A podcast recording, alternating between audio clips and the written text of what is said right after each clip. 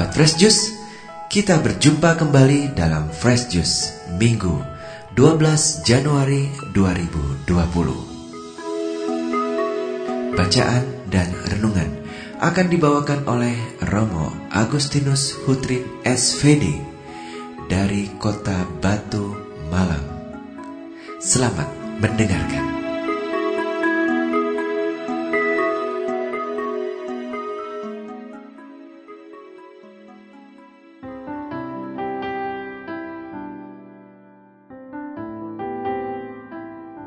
Shalom Bapak Ibu, Saudara dan Saudari yang terkasih di dalam Tuhan. Selamat berjumpa kembali bersama saya, Romo Agustinus Hutrin, SVD dari Biara SVD Batu Malang. Saya mengucapkan selamat tahun baru 2020 untuk kita sekalian. Hari ini gereja sejagat merayakan pesta pembaptisan Tuhan minggu sesudah penampakan Tuhan. Mari kita merenungkan sabda Tuhan hari ini dan saya akan membacakan teks kitab suci yang diambil dari Injil Matius bab 3 ayat 13 sampai dengan 17. Ketika Yohanes membaptis di sungai Yordan, datanglah Yesus dari Galilea ke sana untuk dibaptis olehnya. Tetapi Yohanes mencegah dia katanya, Akulah yang perlu dibaptis olehmu dan engkau yang datang kepadaku. Lalu Yesus menjawab katanya kepadanya, Biarlah hal itu terjadi, karena demikianlah sepatutnya kita menggenapkan seluruh kehendak Allah. Dan Yohanes pun menurutinya. Sesudah dibaptis, Yesus segera keluar dari air dan pada waktu itu juga langit terbuka, dan ia melihat roh Allah seperti burung merpati turun ke atasnya. Lalu terdengarlah suara dari surga yang mengatakan, Inilah anakku yang kukasihi, kepadanyalah aku berkenan. Demikianlah Injil Tuhan. Terpujilah Kristus.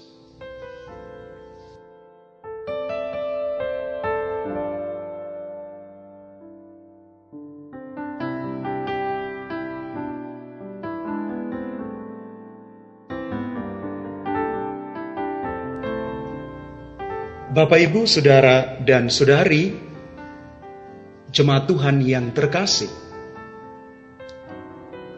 Ketika Yesus dibaptis, terdengarlah suara Bapa.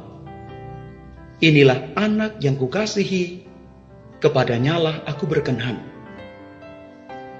Saya kira hal yang sama juga terjadi pada saat kita dibaptis, yaitu Allah mengatakan kepada kita, Inilah anak yang kukasihi, kepadanya aku berkenan.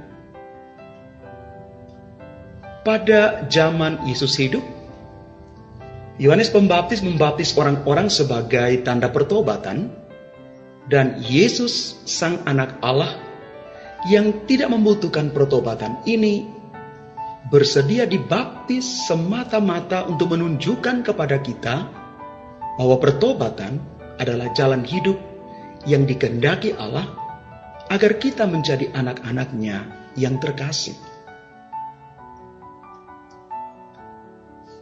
Kita sering kali memaknai pertobatan sebagai penyesalan atas dosa-dosa dan niat untuk tidak mengulanginya lagi. Tapi ini hanya sebagian saja dari pertobatan. Sekedar menyesal dan tidak berniat mengulanginya. Lihatlah pengalaman Yudas Iskariot. Ia pun menyesal sungguh-sungguh atas tindakannya dan ia pun tidak ingin mengulangi dosa lagi. Tetapi dia mati gantung diri dan tertolak selamanya.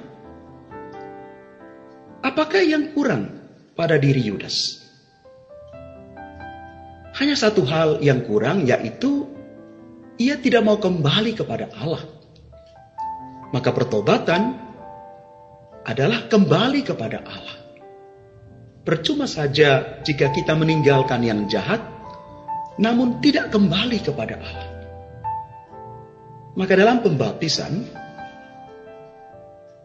yang dialami oleh Yesus, terdengarlah suara dari surga. Inilah anakku yang kukasih, kepadanyalah aku berkenan.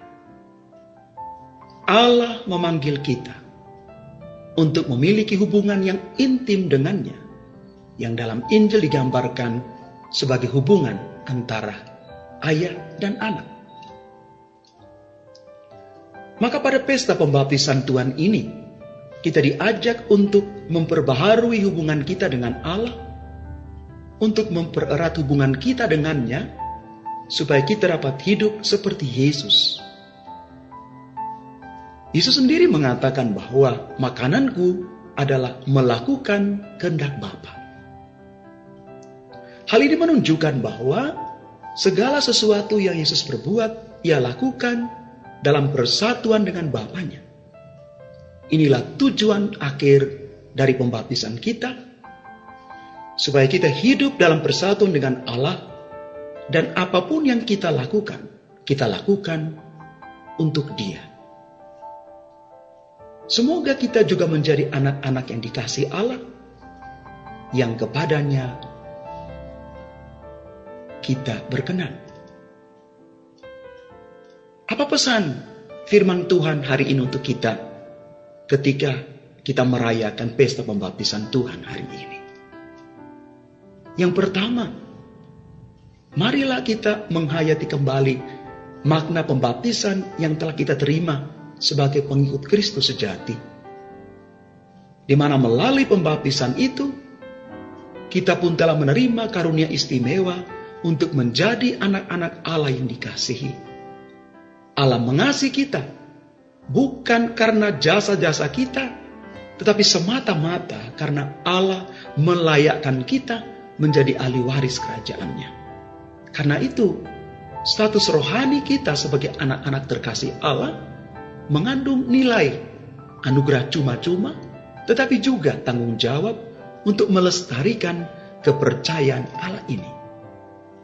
Dan yang kedua, kita pun perlu menyadari bahwa melalui pembaptisan yang kita terima, kita telah dipersatukan pula dalam wafat dan kebangkitan Kristus, hingga kita hidup dalam hidup yang baru, bukan manusia lama yang hidup di dalam perhambaan dosa. Dan di dalam kasih karunia Allah, kita pun memiliki jaminan untuk memperoleh janji keselamatan dari Allah dalam nama Yesus, yakni hidup yang kekal.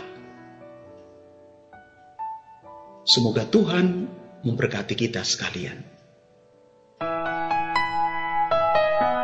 Sahabat Fresh Juice, kita baru saja mendengarkan Fresh Juice Minggu 12 Januari 2020.